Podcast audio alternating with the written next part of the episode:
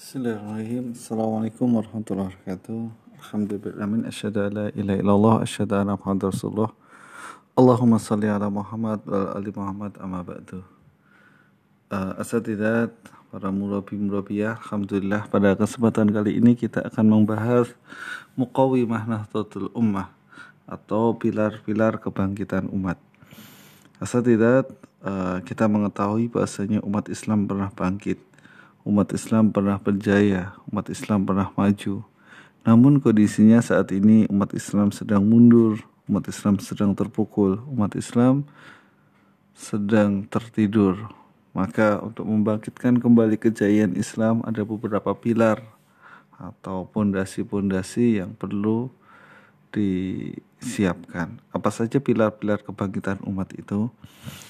Yang pertama adalah al-yaqdah ar-ruhiyah atau membangun ruhiyah. Jadi pilar pertama dalam kebangkitan umat Islam adalah kebangkitan ruhiyahnya.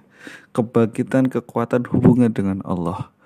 Karena apa? Karena Rasulullah SAW pernah bersabda, uh, Ala inna fil jasadi mudghah Ida salahat salahat jasadu kullu Wa ida fasadat fasadat jasadu kullu Ala, ya, ala wahya al-qalb yang artinya sesungguhnya dalam tubuh itu ada segumpal daging. Apabila baik maka baliklah semuanya. Apa itu? Yaitu hati. Maka hati adalah tempat ruh ya maka kemudian kalau umat ini ingin bangkit dan uh, ingin kembali berjaya maka lakukan apa yang Rasulullah SAW melakukan yaitu membangkitkan ruhiyah. Nah kebangkitan ruhiyah ini bisa di bangun dengan kuwatusilah bilah atau kekuatan hubungan dengan Allah Subhanahu wa taala. Dengan melakukan ibadah-ibadah wajib, mendirikan sholat fardu secara berjamaah, kemudian membaca Al-Qur'an, qiyamul puasa dan amal ibadah yang lain. Karena dengan ibadah yang baik akan membangkitkan ruhiyah. Nah, pilar kedua adalah as-sahwatul fikriyah atau membangkitkan fikrah kalau tadi al yaqadah ruhiyah atau membangunkan ruhiyah yang sudah tertidur dengan amal-amal ibadah maka as-sahwatul fikriyah atau membangkitkan fikriyah adalah kita memahami agar pemikiran agar agar akal kita itu tercerahkan. Maka umat Islam perlu banyak membaca agar fikriyah fikriyahnya itu bangun dan ayat pertama kali yang turun adalah Iqra. Iqra bismi ladzi khalaq. Bacalah, bacalah dengan nama Tuhanmu. Maka setelah kita membangkitkan ruhiyah kita dengan ibadah, maka kita bangkitkan akal kita dengan banyak membaca, dengan banyak belajar, dengan banyak tadabur, dengan banyak uh, melakukan studi-studi. Nah, kemudian setelah kita membangkitkan akal kita dengan banyak membaca dan sudah membangunkan ruhiyah kita dengan banyak beribadah selanjutnya adalah kita harus al-ikhatatun nadhariyah atau menguasai teori-teori kebangkitan itu. Kita baca sejarah kenapa umat itu pernah bangkit, pernah berjaya. Kita baca sejarah Salahuddin al-Ayubi, kita baca sejarahnya Muhammad al-Fatih. Kita cari teori-teori kenapa umat ini bisa maju, kenapa umat ini bisa bangkit. Dan pilar-pilar kebangkitan umat ini juga bisa kita terapkan metodologi berpikirnya untuk mencapai kesuksesan dalam bidang apa pun. Yang pertama adalah kita bangunkan ruhiyah kita dengan melakukan ibadah. Yang kedua kita bangkitkan fikroh kita, pemikiran kita dengan banyak membaca, dengan banyak belajar. Sehingga akal kita menjadi akal yang cerdas, pisau analisa kita kuat. Cara berpikir kita terstruktur dengan baik dan dilandasi dengan ruhiyah yang kuat. Dan selanjutnya adalah kita kuasai teori-teori. Teori-teori yang diperlukan untuk kebangkitan umat ini. Ada teori politik, teori ekonomi, atau teori sosial, teori budaya, bahkan teori-teori yang mendukung semuanya di semua aspek. Kedokteran, fisika, kimia, matematika, semuanya teori-teori itu yang membuat umat ini menjadi umat yang bisa bersaing karena memahami kondisi dan e, realita atau al ya kondisinya masyarakat itu seperti apa. Nah, kemudian setelah ruhiyahnya sudah kita bangunkan, kemudian fikriahnya kita bangkitkan dengan membaca dan kita menguasai teori-teorinya seperti apa kebangkitan itu, bagaimana cara membangunkan umat itu. Maka kemudian langkah ke keempat adalah al-ma'rifatul madaniyah atau kita memahami kondisi lapangan, kondisi realita kekinian di masyarakat itu seperti apa, realita kekinian di tengah tengah bangsa kita itu seperti apa, di daerah kita seperti apa. Kita harus kuasa eh, tahu medannya, tahu lapangannya sehingga ketika kita tahu lapangan, tahu kondisinya, tahu kelemahannya, tahu kekuatannya, tahu kekurangannya, umat ini butuh apa, umat ini lemah di mana, umat ini kuat di mana.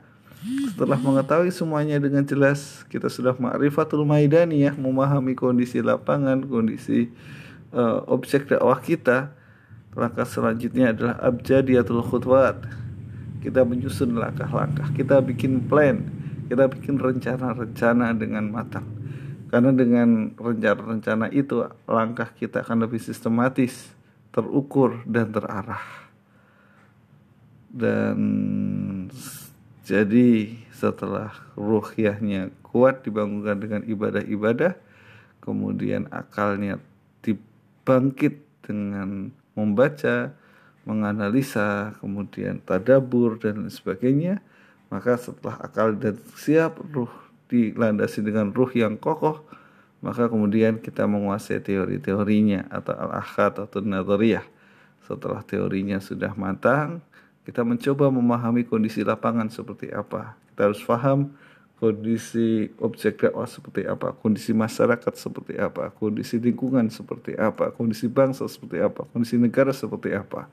Nah, setelah memahami itu, maka berdasarkan kajian teoritis dan pemahaman lapangan dilandasi dengan pemik kecerdasan pemikiran yang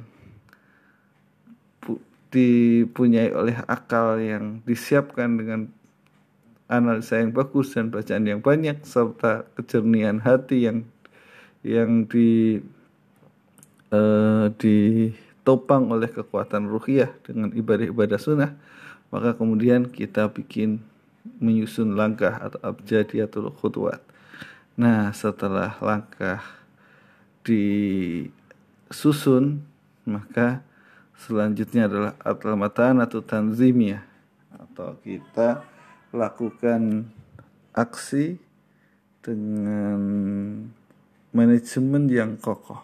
Al-matanah at-tanzimiyah di sini terjemahkan struktur tapi uh, tanzimiyah bisa juga di di terjemahkan sebagai sistem jadi sistem yang kuat sistem yang terstruktur sistem yang bagus manajemen yang bagus. Jadi sudah langkahnya disusun maka kemudian diaplikasikan dengan struktur yang bagus dengan manajemen yang bagus dengan orang-orang yang solid bekerja bersama-sama dan inilah pilar-pilar kebangkitan umat. Sehingga struktur yang kokoh manajemen yang bagus tidaklah cukup kecuali dengan langkah terakhir yaitu an-nahdlatul harakiyah atau membangkitkan gerakan dakwah kita lakukan, kita aplikasikan di masyarakat dan di lapangan bagaimana an-nahdlatul harakiyah kita bangkitkan gerakan ini dengan baik.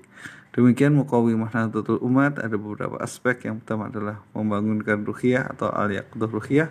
Kemudian kita bangkitkan fikrah dengan as-sakhwatul fikriyah. Kemudian kita susun teori, kita belajar teori-teori kebangkitan, teori-teori kemasyarakatan, teori-teori keilmuan, al-ikhatatul nadariyah Lalu kemudian setelah aspek itu sudah selesai, kita coba melihat kondisi realita lapangan dengan ma'rifatul maidaniyah. Setelah itu kita abjadiyatul khutuat, kita bikin rencana, kita bikin plan, dan kemudian kita siapkan struktur yang di, uh, yang dibutuhkan, kita siapkan infrastruktur maupun suprastruktur yang dibutuhkan dengan almatan atau tanzimiyah, dengan manajemen yang kokoh, dan terakhir kita an-nahdlatul harakiyah, kita bangkitkan gerakan ini. Baik demikian uh, materi Al-Muqawi Nahdlatul Ummah mudah-mudahan bermanfaat. Aku kalian ada wassalamualaikum warahmatullahi wabarakatuh.